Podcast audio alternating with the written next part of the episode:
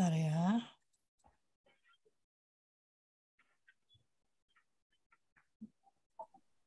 Ya, kita mulai ya. Uh, selamat pagi, sahabat suluh keluarga. Selamat bertemu kembali di hari Senin ya. Judulnya memang I Love Monday supaya kita semangat ya hari Senin ya. I love Monday. Itu, Senin itu paling capek saya karena Minggu itu biasa seharian penuh Sabtu dan Minggu itu seharian penuh ah. jadi Senin itu capek sebenarnya. Tapi I love Monday ya. Ini eh, ada yang bilang Monday is money day, waktunya cari duit katanya ya.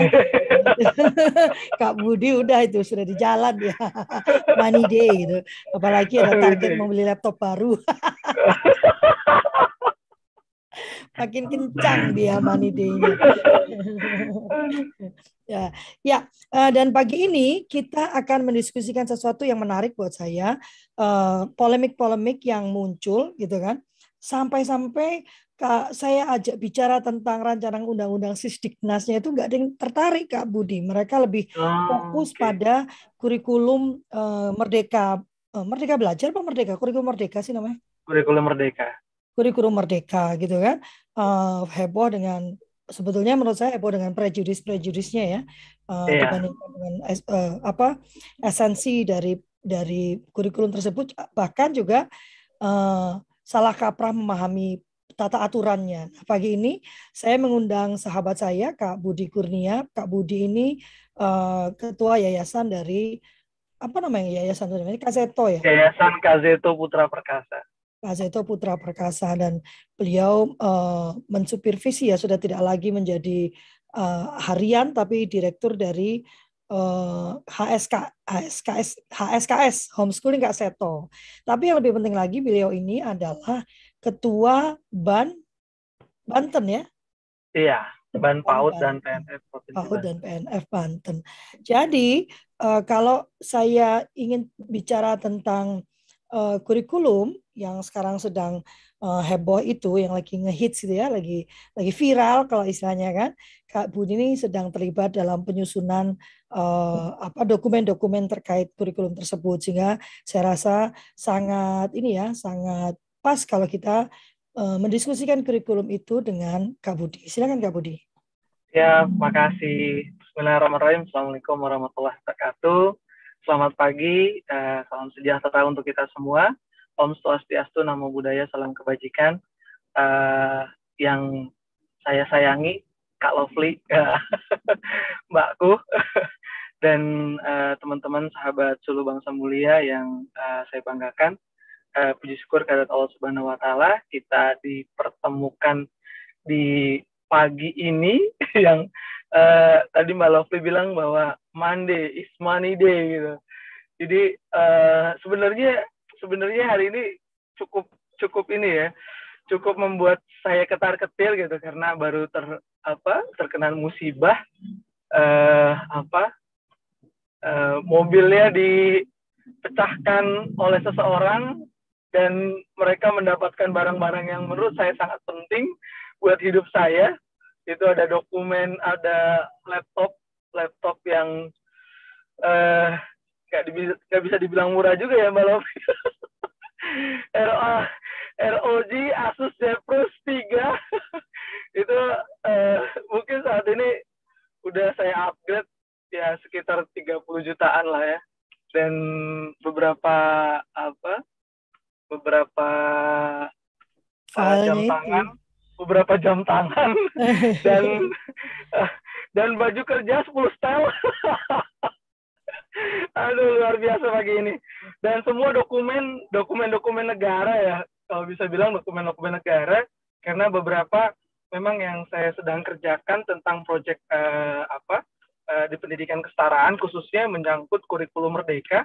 Karena kemarin juga uh, baru turun mengenai uh, Permendikbudnya, terus uh, Capman Risteknya, terus juga uh, apa keputusan BSKP mengenai kurikulum merdeka baik itu dari sisi apa peraturan baik itu dari eh, elemen-elemen uh, penilaian dan uh, capaian pembelajaran. Nah ini uh, Mbak Lovely sudah dapat Mbak Lovely? Belum, pagi ya? Belum ya? Hmm. Oke okay, siap nanti saya saya kirim. Jadi uh, cukup banyak ya uh, di aturan kepala BSKP aja ada sekitar sekitar 1078 halaman untuk capaian pembelajaran.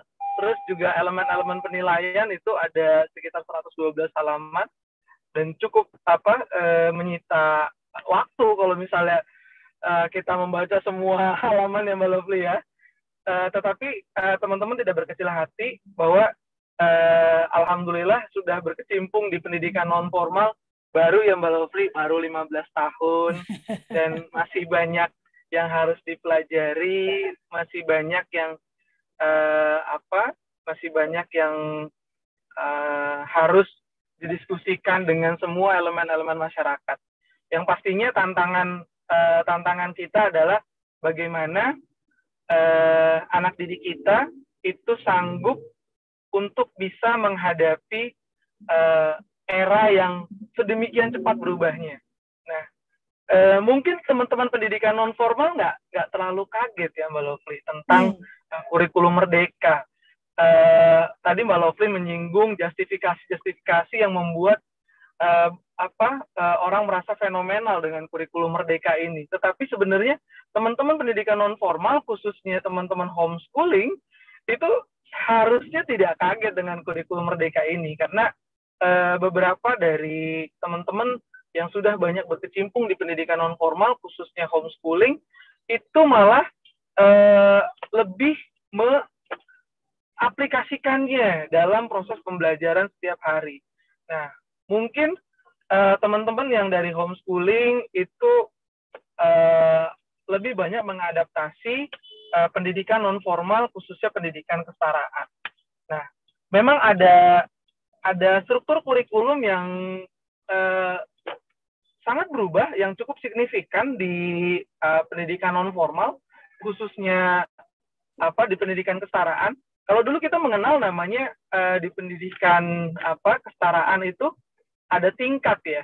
Hmm. Tingkat satu itu untuk uh, apa? Tingkat satu itu untuk kelas satu, kelas dua, kelas tiga. Terus uh, tingkat dua itu untuk uh, apa? Tingkat dua itu untuk eh, empat, lima, dan enam.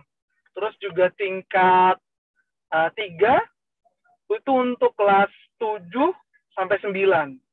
Tingkat empat itu eh kelas tingkat tiga itu uh, kelas tujuh dan delapan. Hmm. Kelas tingkat empat itu kelas sembilan. Tingkat lima itu kelas sepuluh sebelas. Tingkat enam itu kelas dua belas. Nah kalau di apa uh, kurikulum merdeka di kesetaraan uh, perbedaannya adalah namanya fase ya. Fase A itu untuk kelas 1, kelas 2, fase B itu untuk kelas 2 dan 3, fase C itu untuk kelas 5 dan 6, fase D itu untuk kelas 7 sampai kelas 9, fase E itu kelas uh, 10 dan fase F itu kelas 11 dan 12. Nah, jadi uh, perbedaan fase itu yang apa uh, memungkinkan uh, beberapa tingkatan itu mengalami penyesuaian. Baik itu proses pembelajarannya, mungkin kalau di uh, formal kita men mengenal namanya SKS ya. Nah kalau di non formal uh, kita namanya SKK, Satuan Kredit Kompetensi, di mana uh, Satuan Kredit Kompetensi itu mengacu kepada uh, apa konversinya satu SKK itu adalah satu JPL atau tatap muka selama 35 menit, terus uh, satu JPL uh, eh, tutorial itu selama eh, uh, 45 menit, dan satu JPL mandiri itu selama sekitar 50 menit. Nah ini uh, perbedaannya kalau di kesetaraan dengan SKK itu memungkinkan uh, si tutor itu bisa melakukan pembelajaran secara multigrade. Nah, kalau di kesetaraan kan uh, kita juga mengenal modul ya. Uh, biasanya satu pelajaran itu uh, punya modul dalam satu tahun itu ada 5 sampai 6. Nah, nanti di apa? Di pembelajaran kesetaraan ada beberapa tingkatan yang modulnya itu jadi satu gitu. Nah, juga di kesetaraan nanti uh, akan membuat blur nih antara pendidikan formal sama non formal. Karena kenapa? Nanti ijazahnya ijazahnya eh, apa ijazah sorry uh, rapotnya itu uh, komposisinya sama seperti di formal sehingga uh, amanat undang-undang uh, Sisdiknas nomor 20 tahun 2003 mengenai multi entry dan multi exit itu tidak ada lagi penolakan uh, di pertengahan jalan bila ada uh, peserta didik dari uh, formal ke non formal dan begitu pun sebaliknya dari non formal ke formal.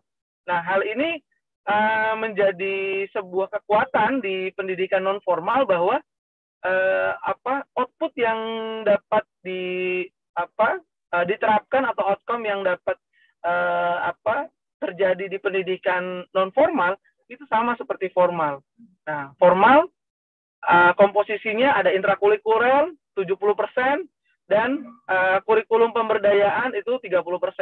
Nah, kalau di uh, apa uh, kesetaraan itu namanya kurikulum apa sorry, namanya uh, pemberdayaan dan keterampilan berbasis profil pelajar Pancasila, di mana ada enam komponen ya, gotong royong, terus juga analytical thinking, kebinekaan dan macam-macamnya itu uh, merupakan satu kesatuan dan menurut saya kurikulum merdeka ini malah sebenarnya mengadaptasi uh, pendidikan kesetaraan. Jadi pendidikan non formal itu uh, apa pendidikan formal itu merasa mereka lost. Lost dalam artian ternyata selama ini pendidikan non formal itu dengan apa dengan fasilitas yang uh, minim dengan apa uh, sertifikasi guru yang tidak ada tapi dapat menghasilkan output peserta didik yang luar biasa gitu menurut karakteristik eh, masing-masing uh, individu. Nah, ini yang menurut saya adalah uh, kesempatan besar bagi teman-teman pendidikan kesetaraan khususnya di jalur pendidikan non formal untuk bisa memberikan apa ya? Uh, saya bilang memberikan uh, apa ya? contoh atau contoh praktek baik ya ke apa pendidikan formal bahwa pembelajaran itu bukan hanya bisa dilakukan di sekolah saja, tapi juga bisa dilakukan uh, di mana saja, kapan saja, dan dengan siapa saja. Dan ini merupakan uh, hal yang apa uh, sangat memungkinkan di era era digital yang sangat sedemikian cepat berubah ini untuk anak-anak kita uh, bisa melakukan uh, akses bukan hanya uh, mengakses pendidikan di di sekolah-sekolah saja atau ruang-ruang kelas, tapi juga melakukan uh, pembelajaran dengan uh, apa kehidupan real, realita mereka gitu. Nah ini saya juga banyak belajar nih sama Mbak Lovely tentang apa uh, apa metode CACT, terus juga uh, apa parenting, project uh, project-project yang memang berbasis kompetensi. Nah ini yang diusung oleh uh, kurikulum Merdeka bahwa uh, apa pembelajaran itu bukan melulu tentang akademik saja, tapi pembelajaran itu bisa langsung diaplikasikan di kehidupan nyata. Nah, uh, karena karena kebanyakan beberapa pembelajaran itu uh, yang dilakukan oleh formal itu uh, lebih cenderung ke textbook dan itu yang harus berubah mindsetnya. Nah ini mengajak semua seluruh stakeholder baik itu pendidikan formal dan non formal kita mengusung kurikulum merdeka di mana kurikulum merdeka ini uh, bisa diaplikasikannya ke semua uh, jenjang uh, tingkatan seperti itu. Nah ini uh, untuk tahun ajaran baru ini uh, apa pemerintah itu merencanakan penerapan kurikulum merdeka di kelas 1, 4, 7 dan 10. Jadi secara bertahap uh, mereka akan akan akan apa uh, mengaplikasikannya ke tingkat-tingkat selanjutnya seperti itu Mbak Lovely. Jadi apa eh, sebenarnya kurikulum merdeka ini yang tadi Mbak Lovely bilang justifikasinya memang terlalu berat. Di formal mungkin ini ya, mungkin ter, terdengar aneh. Tapi sepertinya kalau di pendidikan kesetaraan itu tidak aneh Mbak Lovely karena kita kita sudah banyak menerapkannya di teman-teman komunitas baik itu majemuk dan uh, tunggal.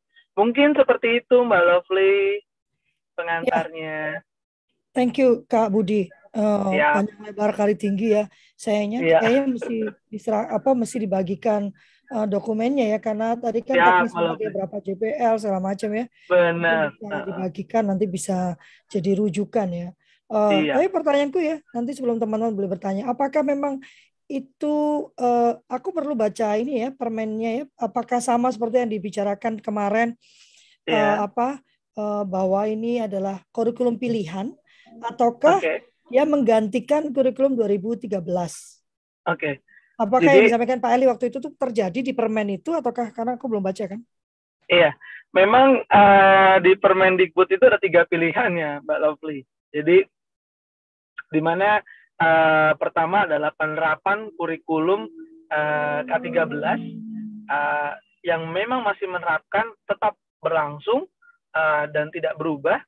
Uh, apa karena sebenarnya uh, kita ini membicarakan tentang cost-nya ya. Cost-nya adalah uh, kurikulum operasional sekolahnya, di mana uh, setiap kurikulum uh, di K13 kesetaraan juga cost pay-nya itu atau kurikulum operasional sekolah penyelenggaranya itu juga merujuk kepada uh, apa uh, realita yang mereka apa ampu atau anak-anak yang uh, dengan karakteristik yang mereka apa uh, ajar gitu Mbak Lovely. Nah di ada pilihannya itu uh, tetap dengan struktur uh, K13 uh, kesetara apa dengan struktur K13-nya atau dengan struktur K13 darurat di mana uh, penerapan-penerapannya itu berubah uh, memodifikasi dan apa uh, dengan mengacu kriteria minimal atau secara bertahap mulai memilih uh, kurikulum merdeka. Nah, penerapan kurikulum merdeka itu juga juga harus uh, pengaplikasiannya sekolah tuh harus mendaftar ya Mbak Lovely. Jadi apa uh, karena pada saat dia itu mau belajar kurikulum merdeka secara uh, elemennya baik itu pimpinannya, baik itu tutornya, baik itu perangkatnya itu juga harus sudah tersedia. Nah, ini uh, pilihan tersebut cuman saya berpikir bahwa kalau misalnya memang ada tiga pilihan, kan masyarakat tuh selalu menilai ya Mbak Lopi. Hmm. Mana nih sekolah yang update, hmm. mana nih sekolah yang yang, yang sudah menerapkan hal yang terbaru. Pasti orang akan berpikir, ya udah saya rubah ke, kurikulum merdeka saja gitu Mbak Lopi. Hmm. Jadi hmm. pilihannya hmm. seperti itu jadi di masyarakat. Ngapain saya apa ngapain saya masih bertahan dengan kurikulum yang ada? Memang kurikulum apa uh, K13 kesetaraan itu uh, belum hilang sampai dengan uh, apa penerapan tiga tahun ke, ke depan gitu Mbak Lovely seperti itu. Oh jadi uh, ke depannya akan akan hanya satu kurikulum lagi gitu? Iya benar. Hmm. Okay. Gimana teman-teman? Uh, pilihannya ya akhirnya pilihannya akhirnya uh, mereka akan akan akan mencoba karena pemerintah juga lagi menggalakkan nih Mbak guru hmm. penggerak hmm. dan sekolah penggeraknya gitu Mbak. Hmm. Hmm. Ada teman-teman ada yang mau bertanya? Kayaknya aku mesti ketemu kamu deh, uh, uh, Kak Budi. Kamu Siap, mesti menjelaskan ini secara langsung ya supaya nggak salah memahami aku ya. Adakah teman-teman yang ingin bertanya terkait dengan kurikulum Merdeka ini? Uh, apa? bahkan kalau di penerapannya pun Kak Budi bisa menjawab mungkin ya. Kak Elna sudah membuka mic, apakah mau bertanya? Oh iya, tapi maaf off kamera. Mohon maaf Kak Rofli. Gak apa-apa, gak apa-apa. Iya, Iya Pak Budi luar biasa ini pencerahan bagi kami praktisi di lapangan seperti di ya. PAUD. E, sebetulnya di PAUD itu sudah ada ya yang namanya metode e, apa Frubel, Ki Hajar Dewantara juga hmm. apa e, Montessori ya bahwa sebetulnya hmm. pendidikan itu harus merdeka ya. Tetapi mungkin banyak sekali ini, nah banyak sekali kendala jadi akhirnya uh, kurikulum itu kembali ke zaman yang kayaknya menjajah banget untuk anak-anak. Nah ini kembali lagi uh, dari Mas Menteri itu luar biasa ya pencerahannya dengan kurikulum merdeka. Jadi uh, imple implementasinya untuk anak usia dini itu seperti apa sih kurikulum itu? Akan apakah akan mencuat menjadi uh, bagaimana si daya pikir problem solving anak-anak itu uh, terbangun dengan dengan kurikulum merdeka ini. Karena uh, yang yang saya tahu ya di perguruan tinggi karena saya mengajar di perguruan tinggi juga dan melaksanakan kurikulum merdeka, kita masih KKNI, tetapi hmm. si implementasinya itu mahasiswa bebas menentukan 20 SKS dia belajar di luar begitu ya. Jadi mau hmm. apa pun gitu kan ada ada delapan iku kalau nggak salah. Hmm. Jadi eh, saya itu luar biasa menyambut baik banget dan kita melaksanakannya. Saya juga dapat LPDP kemarin. Hmm. Eh, oh, apa? Luar biasa ibu. Kampus kampus mengajar kayak di Bekasi gitu. Tapi untuk hmm. anak usia dini itu seperti apa dan sekarang itu kurikulum merdeka itu belum ada gitu. Maksudnya bukan belum ada. Eh, di anak usia dini itu masih kayak masih di uh, masih dihitung-hitung gitu, belum seragam semua gitu. Oh, yang saya yeah. kurikulum merdeka, ya ini kurikulum merdeka gitu. Uh, karena mungkin ada bantuan atau bagaimana begitu agar hmm. diseragamkan serempak gitu. Bagaimana nih Mas Budi? Begitu kalau di di lapangan gitu sepertinya seperti itu masih oh saya kurikulum merdeka ini enggak dan sebagainya begitu. Pertanyaan saya yang pertama adalah bagaimana implementasinya untuk anak usia dini gitu ya. Terus kedua eh, kapan sih diseragamkan untuk PG apa untuk eh, PAUD ini sendiri? Itu aja mungkin. Terima kasih. Assalamualaikum warahmatullahi wabarakatuh. Ya. Waalaikumsalam warahmatullahi wabarakatuh. Silakan Kak Budi. Ya, Cuman ya, menarik Ibu, ya, minta diseragamkan uh, lagi. diseragamkan. Iya, Ibu sebelumnya terima kasih. Uh, memang uh, apa?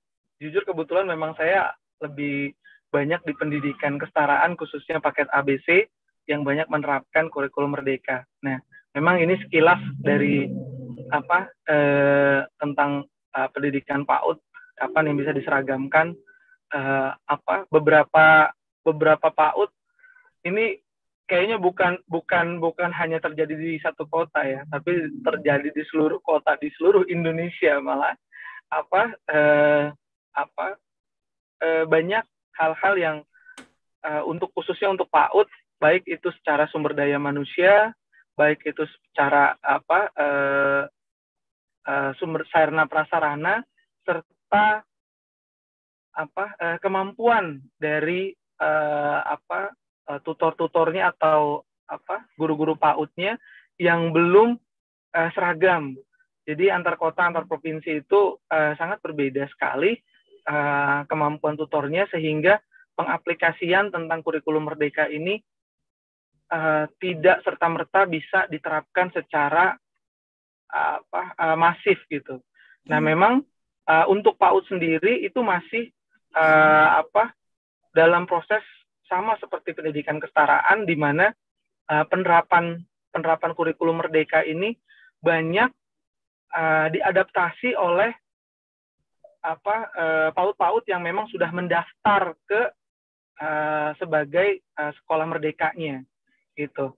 Nah uh, kita kita juga uh, apa selalu berupaya untuk bisa uh, merangkul teman-teman bukan hanya uh, teman-teman PNF aja atau uh, PKBM saja, tapi juga teman-teman PAUD yang di mana uh, PAUD dan kesetaraan itu merupakan kewenangan dari kabupaten kota. Nah, di PAUD sendiri, Ibu, uh, apa uh, nanti mungkin dibagikan ya sama Mbak Lovely tentang hmm. Permendikbudnya uh, yang mengenai kurikulum merdeka itu uh, saya belum baca terlalu banyak untuk PAUD. Memang uh, fokus saya Menarik, saat ini lebih banyak di apa uh, pendidikan kesetaraan.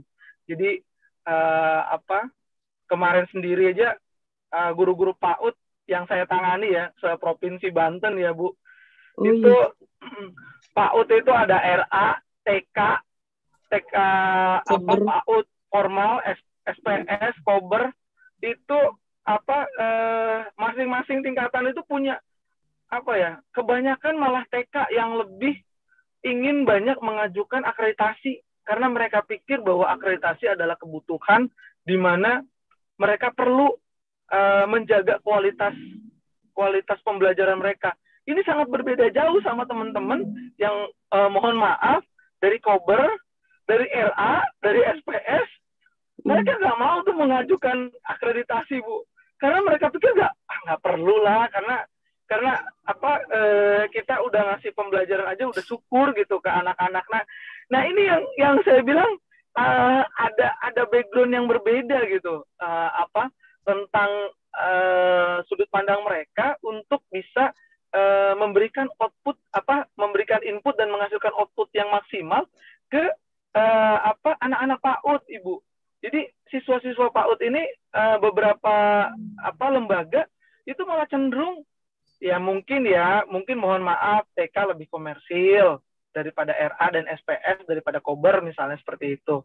Dan uh, mereka uh, punya kepentingan untuk menjaga kualitasnya gitu. Tapi yang kita didik kan sama-sama anak-anak bangsa kenapa kita tidak bisa memberikan secara maksimal gitu nah ini uh, harapan saya juga uh, dengan kurikulum merdeka mereka membuka mindset bahwa uh, pengaplikasiannya itu bukan hanya uh, pembelajaran yang kalau di TK mungkin langsung baca tulis hitung.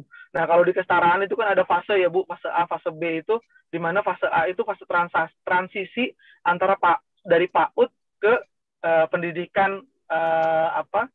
Uh, pendidikan formalnya atau pendidikan non formalnya. Nah, ini uh, kebanyakan malah beberapa sekolah malah melihat uh, untuk masuk ke SD mereka harus bisa baca, harus bisa uh, baca tulis, hitung. Nah, ini apa eh, akhirnya beberapa teman-teman PAUD dan beberapa teman TK mengadaptasi lulusan PAUD harus bisa baca, harus bisa eh, menghitung. Nah, ini jadi tuntutan tuntutan tinggi nih menurut saya nih. Nah, ini yang apa eh, saya berharap bahwa eh, khususnya teman-teman PAUD itu eh, bisa berkolaborasi melihat perkembangan eh, apa perkembangan usianya beberapa hal yang saya pelajari dari teman-teman PAUD bahwa anak-anak uh, kita khususnya apa uh, yang usia-usia ingin apa ya ingin ketingkatan yang lebih tinggi atau melanjutkan ke tingkat yang lebih tinggi itu banyak anak-anak itu dapat tuntutan dari orang tua harus bisa baca tulis hitung gitu. Nah, padahal uh, PAUD sendiri atau taman kanak-kanak adalah taman bermain, bukan taman belajar.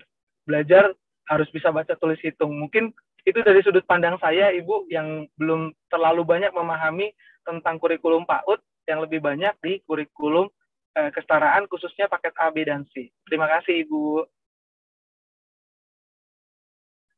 Ya, ini ada Kak, uh, Elna, terima kasih ya. Ini ada uh, terima kasih ini, Pak.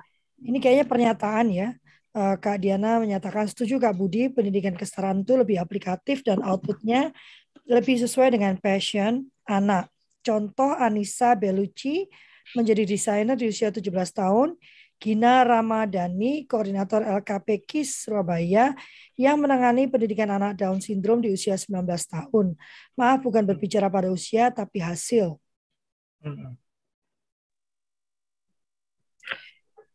Uh, Kak Budi, jadi ya. tapi kan gini ya, kalau kalau eh, baca kurikulum sekolah memerdekakan ya. Uh, iya. Cuman kan uh, kalau kayak kayak kayak pendapat kak kak kak Diana nih misalnya, uh, kurikulum pendidikan kesetaraan itu lebih aplikatif gitu kan. Nah, hmm. kak, tapi pada pada rancangan undang-undang itu disebutkan pendidikan uh, non formal itu bentuknya pendidikan kesetaraan. Ya. Kalau pendidikan kesetaraan tuh kak Diana uh, dia bicara tentang akademik ya. Uh, paket ABC itu pendidikan kesetaraan itu kan, tapi di uh, waktu itu diperkaya dengan um, keterampilan hidup ya karena yeah. pendidikan non formal kan boleh mengajarkan keterampilan hidup. Tapi kalau di nomenklatur yang baru sekarang itu kan uh, kalau disebutnya hanya pendidikan kesetaraan berarti kan uh, dia seperti sekolah formal biasa fokusnya pada penyelesaian pencapaian akademik gitu kan.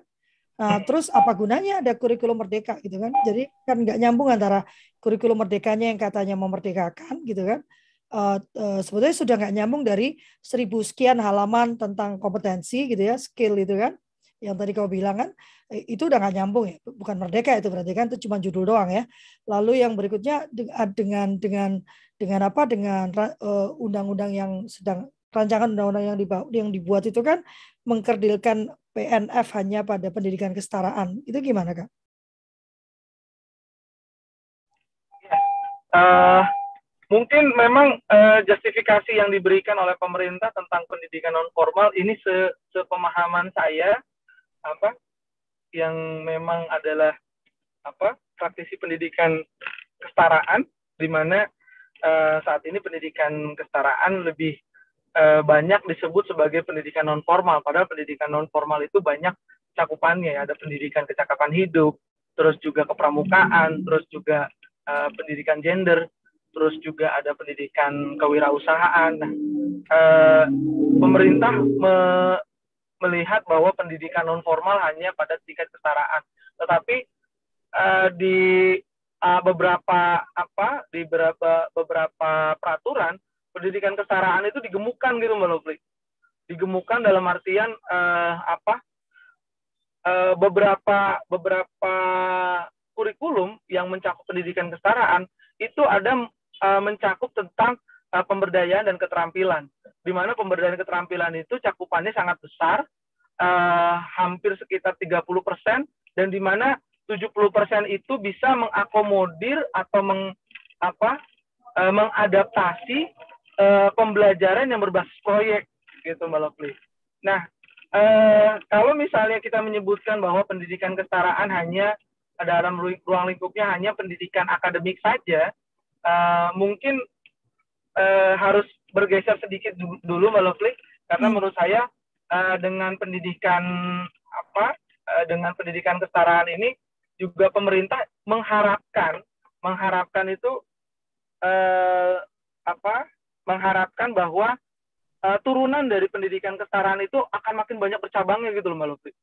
Makin banyak bercabang sehingga bukan hanya akademik saja tetapi juga eh, keterampilan dan pemberdayaan di mana bisa mencakup semua eh, pendidikan eh, yang ada di pendidikan non formal.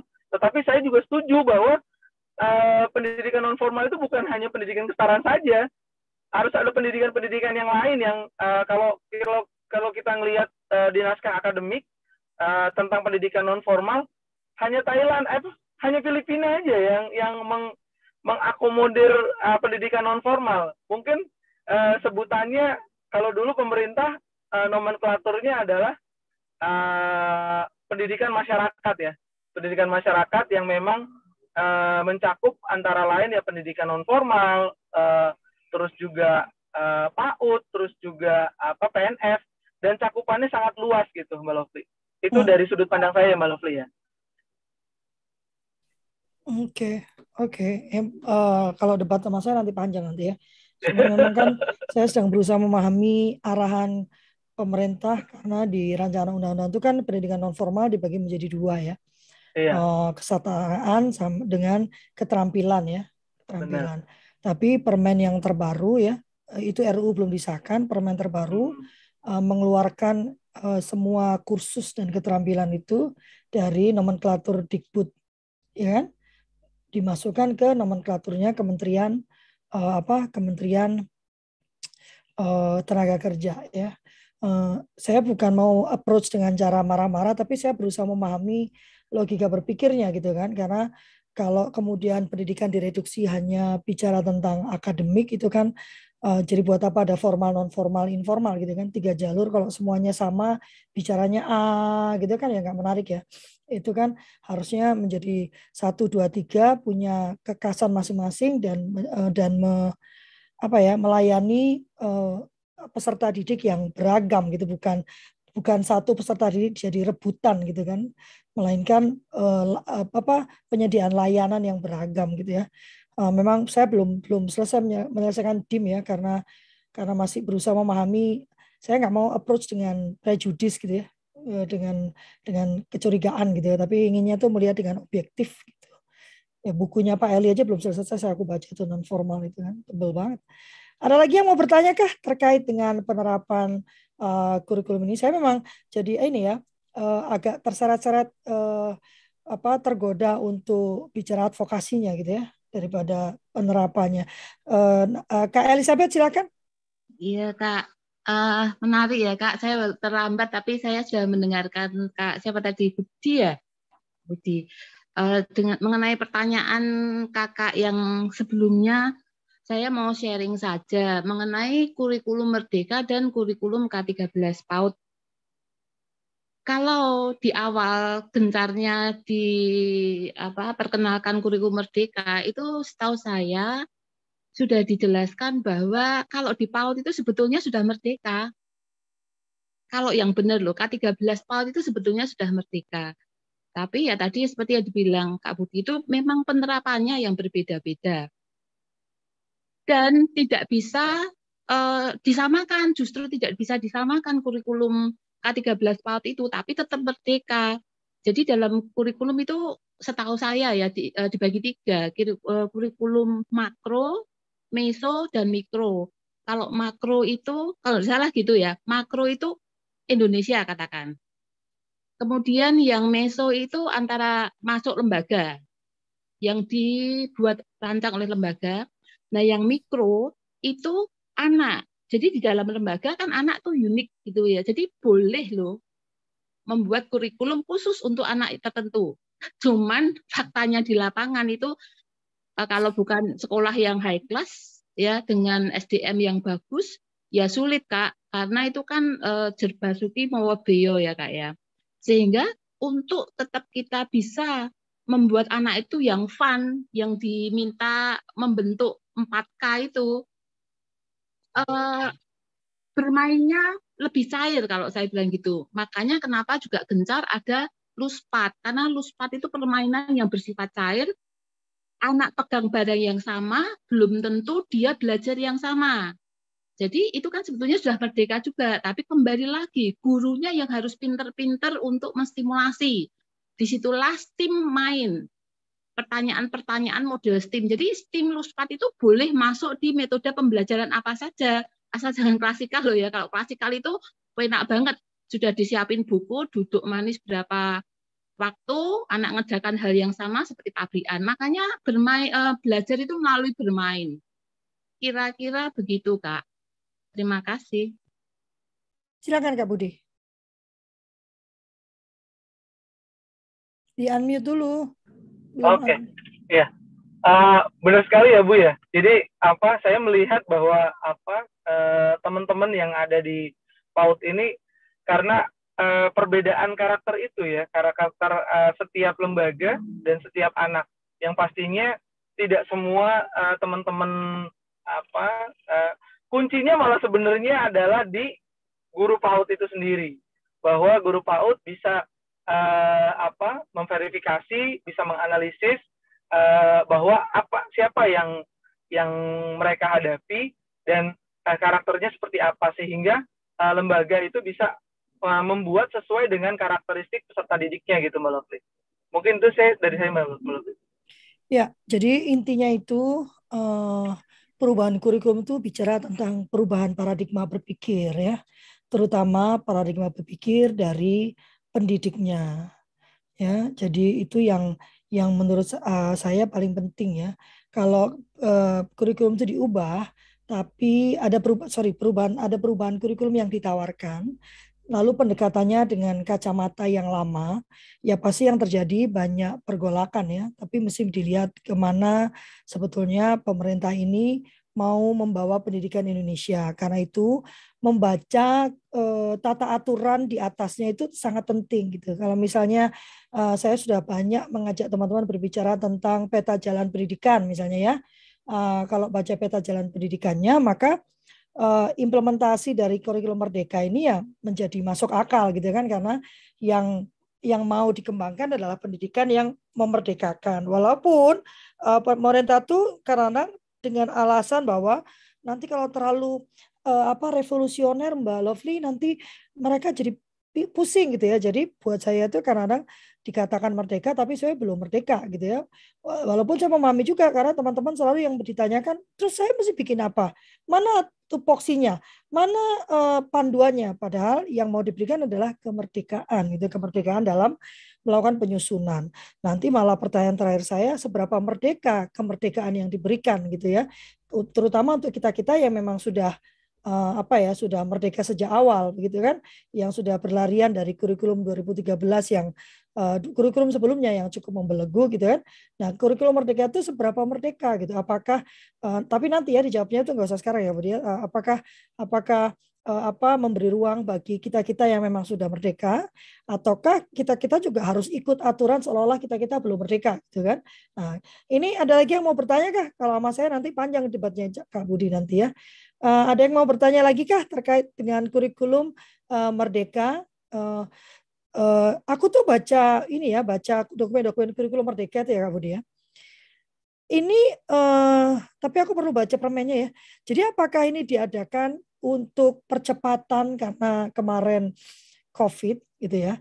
Karena kan uh, apa uh, apa contoh-contoh uh, uh, yang diberikan ya, uh, ya uh, itu kan uh, di India misalnya, terus sama di Kenya itu ya waktu dokumen awal perkenalan dia uh, itu kan bicara tentang uh, uh, apa uh, supaya semua anak itu mencapai hal yang sama jadi dipecah-pecah gitu ya. Uh, dipecah-pecah ya. Menurut aku sih sama dengan sekarang kelas remedial ya bukan tidak ada unsur merdekanya di situ. Karena toh uh, dipecah-pecah supaya yang lainnya nggak terganggu gitu kan sebetulnya. Itu apa yang itu ya kak? Ataukah kurikulum merdeka yang dikembangkan sekarang itu uh, memang uh, apa uh, kurikulum berpra, berparadigma baru gitu. Iya, Mbak Lovely. Jadi hmm. ini menarik nih Mbak Lovely ya. Jadi uh, apa sebelum kurikulum ini diluncurkan sekitar bulan Oktober lah ya, bulan Oktober sama bulan selama bulan Oktober November uh, saya diminta sama Uskur, Uskur Jar ya. Uskur Jar nih yang uh, pusat kurikulum dan pengajaran yang hmm. uh, yang menangani apa uh, menangani kurikulum ini atau ibaratnya penyusunnya lah ya Mbak Lovely ya hmm. uh, bisa dibilang penyusunnya. Nah uh, sebelumnya itu adalah namanya kurikulum prototipe pemulihan pembelajaran 2022. Nah oh, itu okay. namanya Mbak Lovely. jadi uh, pas di Januari berubah jadi namanya kurikulum merdeka tuh Mbak Lovely. Yeah. Uh, pas sampai pada saat uh, apa saat, pada saat turunannya atau uh, hasil Permendikbudnya itu uh, sekitar bulan Februari jadilah namanya kurikulum merdeka di mana salah satunya itu adalah uh, termasuk kurikulum kesetaraan. Nah, di teman-teman uh, mereka berpikir kurikulum prototipe pemulihan pembelajaran kok kayaknya aneh ya, Pak ya. Kok kok pemulihan pembelajaran apakah pemulihan dari Covid? Karena kita mungkin selama dua tahun ini lost learning gitu Mbak Lovely. Hmm. Tapi ternyata enggak Mbak Lovely. Jadi ternyata bahwa uh, mereka mengakui bahwa uh, apa uh, kami terlalu fokus ke pendidikan formal. Hmm. Kita lupa amanat undang-undang bahwa ada pendidikan non formal Mbak Lovely. Hmm. Di mana pendidikan non formal itu ada lagi pendidikan informal. Nah, hmm. Nah, mungkin pendidikan yang mana lebih diabaikan lagi sekarang ya? Iya, apalagi diabaikan lagi.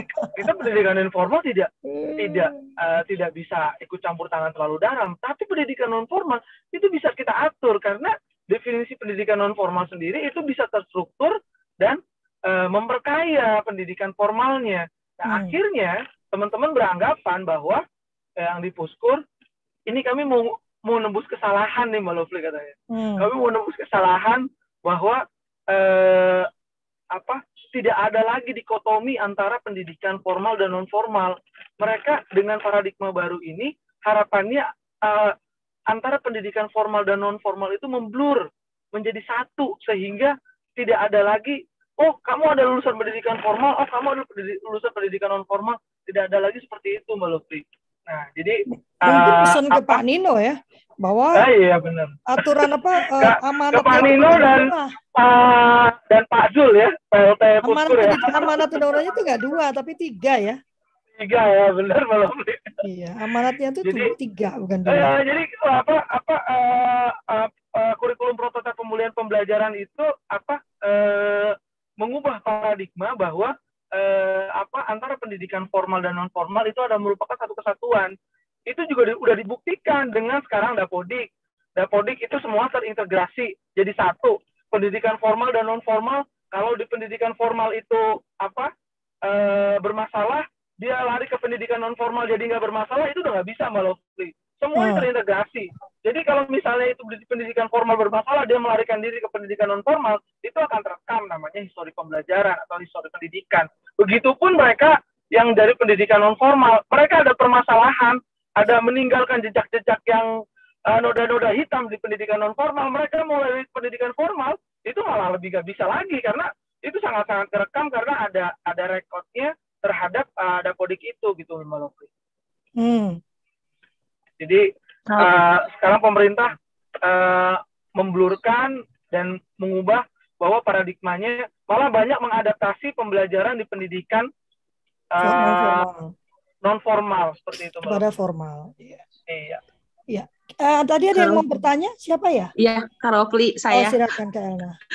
saya ingin menanggapi saja dari yang Pak Budi tadi. Benar Pak Budi bahwa sebetulnya pendidikan non formal itu sangat eh, apa kreatif ya. Dengan bukti kalau di perguruan tinggi dengan adanya implementasi eh, apa keterasanya oleh kita eh, ada yang namanya eh, RPL, rekognisi pembelajaran masa lampau. Jadi kelilinearan terus juga bagaimana si masyarakat itu aktif di masyarakat itu bisa dihitung poin menjadi SKS gitu. Nah, jadi kurikulum merdeka ini membantu sekali bagi orang-orang yang benar-benar aktif di masyarakat e, ingin ke perguruan tinggi dia mungkin dari awal tidak mampu begitu ya. Ketika nanti kalau dia sudah mengumpulkan beberapa e, kegiatan yang di masyarakat, maka dia bisa masuk ke perguruan tinggi itu tidak usah dari awal gitu. Nah itu kurikulum merdeka itu benar-benar membantu banget kalau di perguruan tinggi kami itu ada yang namanya rekognisi uh, pembelajaran masa lampau begitu mungkin uh, sedikit menambahkan ya Pak Budi mohon maaf nih uh, juga untuk semua bahwa di perguruan tinggi. Terima kasih Bu Erna, terima kasih. Iya sama seperti itu. Tapi Pak Budi saya tuh sedikit inilah saya tuh uh, ikutan pelatih ahli ya kemarin tes pelatih ahli. Tapi status saya tuh cadangan kayaknya. belum, belum ini belum gul. Ya Allah kok cadangan masih aduh kayak nggak enak banget ya cadangan digantung gitu. Ini pengalaman saya nih. Mudah-mudahan uh, apa pelatih ahli ketiga saya lolos pak. Amin amin amin. Amin amin. ya pak. Terima kasih. Mungkin itu uh, apa sedikit sedikit uh, pengalaman Eh, dengan kurikulum merdeka itu bukan hanya di sekolah yang paling bawah begitu ya, tetapi di perguruan tinggi itu juga merasa bahwa eh, apa ya manusia itu di, di, dihormati banget ketika dia ada life skillnya begitu di masyarakat. Begitu Pak Budi, terima kasih mungkin semuanya. Terima kasih Bu Erna. Ya, assalamualaikum. Waalaikumsalam. Ya, uh, sudah jam 8 kurang satu menit Kak. Mungkin uh, apa kata penutup ya karena kamu berhenti itu? Iya berhenti. Kau dari Bekasi apa dari? Dari Bekasi kebetulan mbak. Oh oke, okay. silakan. Iya, uh, terima kasih uh, teman-teman uh, Sulu Bangsa Mulia.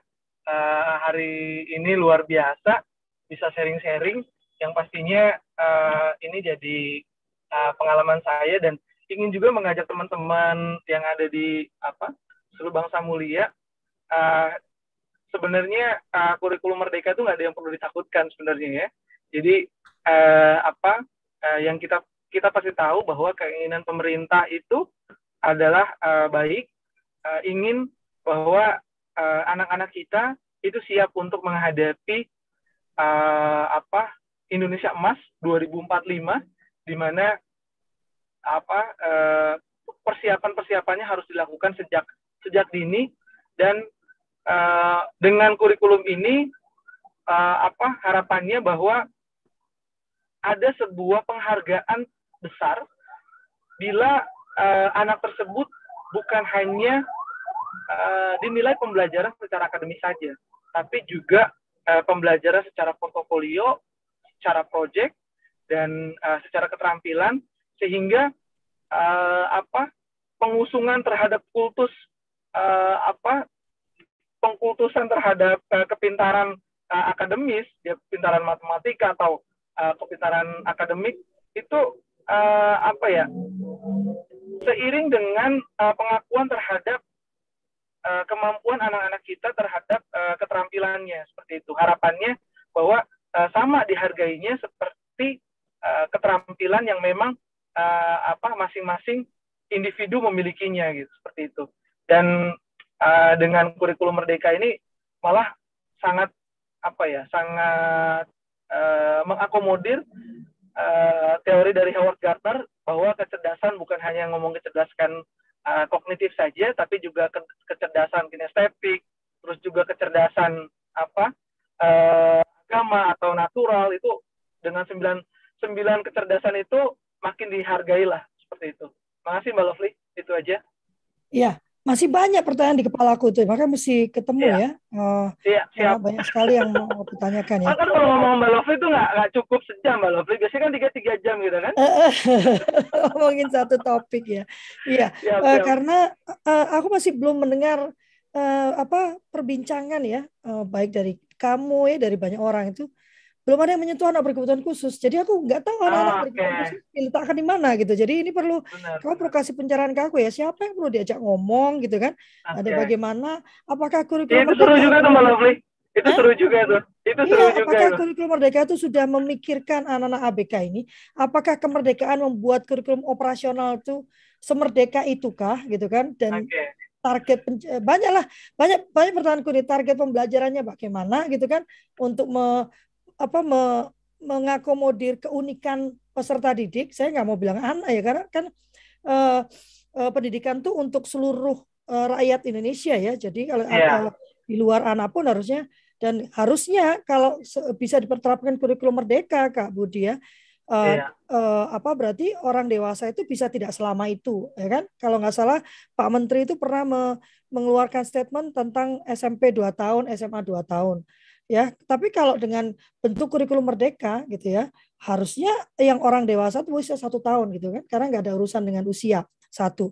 Yang kedua yang disampaikan Kak Elna itu kan sebetulnya masalah rajin nggak rajinnya tutor ya. Ya, apakah tutor mau membantu peserta didik menerjemahkan pengalaman masa lalunya ke dalam bahasa rapot, ya kan? Kan cuma itu doang ya, kan eh, yang dimintakan itu kan. eh, apakah kita mau melakukan dan eh, beberapa tidak semua ya, beberapa komunitas homeschooling sebetulnya sejak dulu sudah melakukan itu. Ya enggak Kak Budi? Beberapa komunitas homeschooling sudah melakukan itu. Artinya eh, menerjemahkan, membantu Benar, peserta didik menerjemahkan, ya kan? Benar nggak? Eh, Iya. Misalnya penyanyi ya eh, sudah penyanyi profesional. Jadi ada beberapa eh, apa eh, poin-poin dalam pembelajaran akademik yang sebenarnya sudah termaktub di dalamnya. Paling tidak bahasa Indonesia itu sudah karena anak ini sudah terbiasa memahami kontrak misalnya ya. Jadi tidak lagi be- belajar menulis surat kepada paman gitu ya, tapi dia bahkan sudah eh, sudah membaca kontrak gitu ya. Atau juga eh, kemampuan bahasa Inggrisnya gitu. Kalau anak ini memang eh, apa eh, gamers yang selalu eh, eh, apa youtubers yang bicara bahasa Inggris misalnya gitu ya jadi eh, tutornya sudah bisa menerjemahkan masalahnya mau apa enggak gitu ya ya eh, sudah jam 8 Iya, lebih lima saya Oke. ini Siap. ini Makasih Mbak bukan. Budi ini bukan suluh bangsa mulia ini suluh keluarga Oh, seluruh keluarga ya. Sorry. ya sorry. suluh bangsa mulia kan sekolah kita dong ini suluh keluarga jadi ini gerakan siap. tentang parenting ya. Tapi nanti saya mau mengumumkan, jadi terkait dengan yang disampaikan Kak Budi, tadi kan Kak Budi sempat menyebutkan bahwa teman-teman Pusmenjar itu mengatakan akan, eh Kak, Kak Supiani mau bertanya? Kak, Kak Supiani mau bertanya Kak? Enggak ya, karena terbuka saja ya. Oke. Jadi eh, terkait dengan tadi Pak Kak Budi menyatakan bahwa eh, Pak Nino dan Pak Zul, ini saya mau mau undang Pak Zul nih kayaknya di sini ya. Ya. Iya, eh, benar. eh, karena Pak Pak Zul dulu bareng sama saya di Kerlip ya. Hmm. Ya, jadi Oh, gitu Lovely. Iya, aku kenal dulu. Jadi eh, apa? Tadi aku mau ngomong apa? Terkait dengan tadi dikatakan bahwa beliau itu merasa berdosa karena selama ini hanya memikirkan formal gitu ya, sehingga Ya. akan melakukan eh, apa eh, eh, penebusan dosa terhadap non formal. Dalam rangka mengingatkan pemerintah,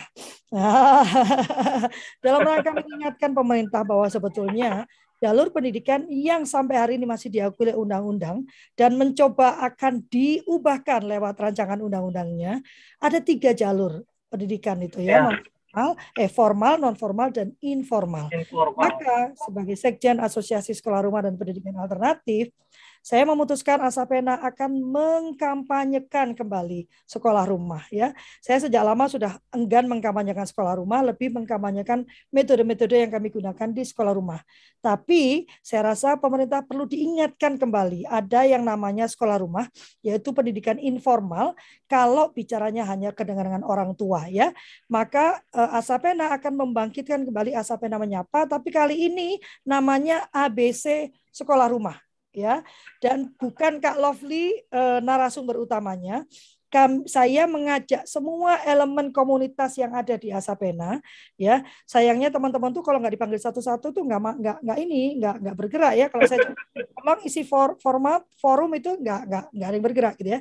Tapi mulai Selasa besok jadi mulai besok ya kita akan memulai ABC sekolah rumah dan kita akan lakukannya di jam makan siang. Jadi teman-teman makan siang satu jam dengan asa pena, ya. Jangan ngeluh lagi, ha makan siang kalau Lovely, jam 7, ha jam 7 kalau Lovely gitu ya.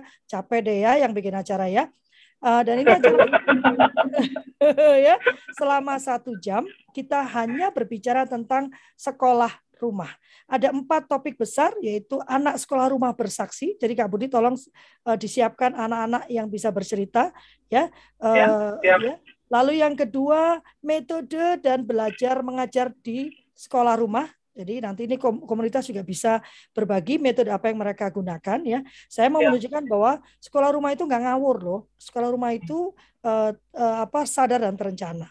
Lalu yang ketiga, sekolah rumah tunggal, ragam sekolah rumah tunggal. Jadi teman-teman yang melakukan homeschool tunggal, saya undang untuk berbagi di topik yang ketiga ya. Karena sekolah rumah itu ada yang tunggal ada yang berkomunitas.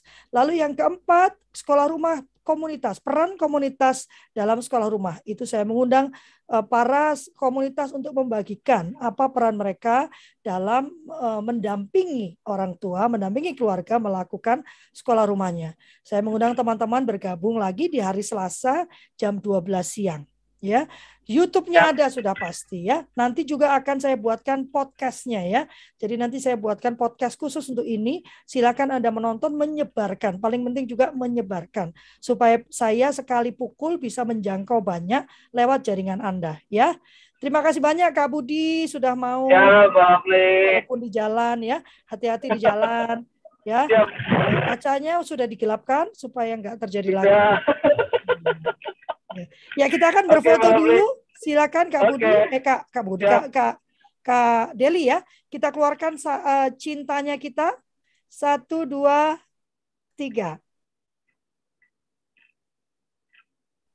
Sudah Kak Deli? Sudah. Oke. Okay. Okay. Jangan lupa ya, saya mengundang sahabat-sahabat semua untuk bergabung lagi hari Selasa ya, jam 12 siang sampai jam 1. Jadi kita cuma makan okay. siang. Jadi teman-teman sambil makan nggak apa-apa. Kemarin kita bikin operat jam makan siang enak banget ya. Saling makan sambil ngobrol gitu ya. Iya, makan siang di tempat masing-masing gitu kan. Nah, saya ya, enak kan mengundang makan siang tapi makan sendiri. Ada ada diskusi ya, Mbak. Iya, jadi hari Selasa besok kita mulai dengan prinsip-prinsip sekolah rumah ya Kak okay. Yanti Teh Yanti sudah bersedia menjadi narasumber ya besok kita akan okay. bertemu jam 12 siang. Terima kasih banyak Kak Budi hati-hati di jalan. Terima kasih ya, semua. Saya mengucapkan terima kasih dan memohon maaf yang sebesar-besarnya apabila okay. ada pernyataan, perkataan, sikap yang kurang berkenan. Kami tidak ingin merendahkan, ya. tidak ingin uh, menggurui, menghakimi, kami hanya ingin membagikan apa yang menjadi keyakinan kami dan yang kami kerjakan dalam kehidupan kami sehari-hari. Terima kasih. Wassalamualaikum warahmatullahi wabarakatuh. Waalaikumsalam. Terima kasih banyak. Mari Malafli. Yuk, hati-hati ya, ya. Ketemu Selasa, Kak.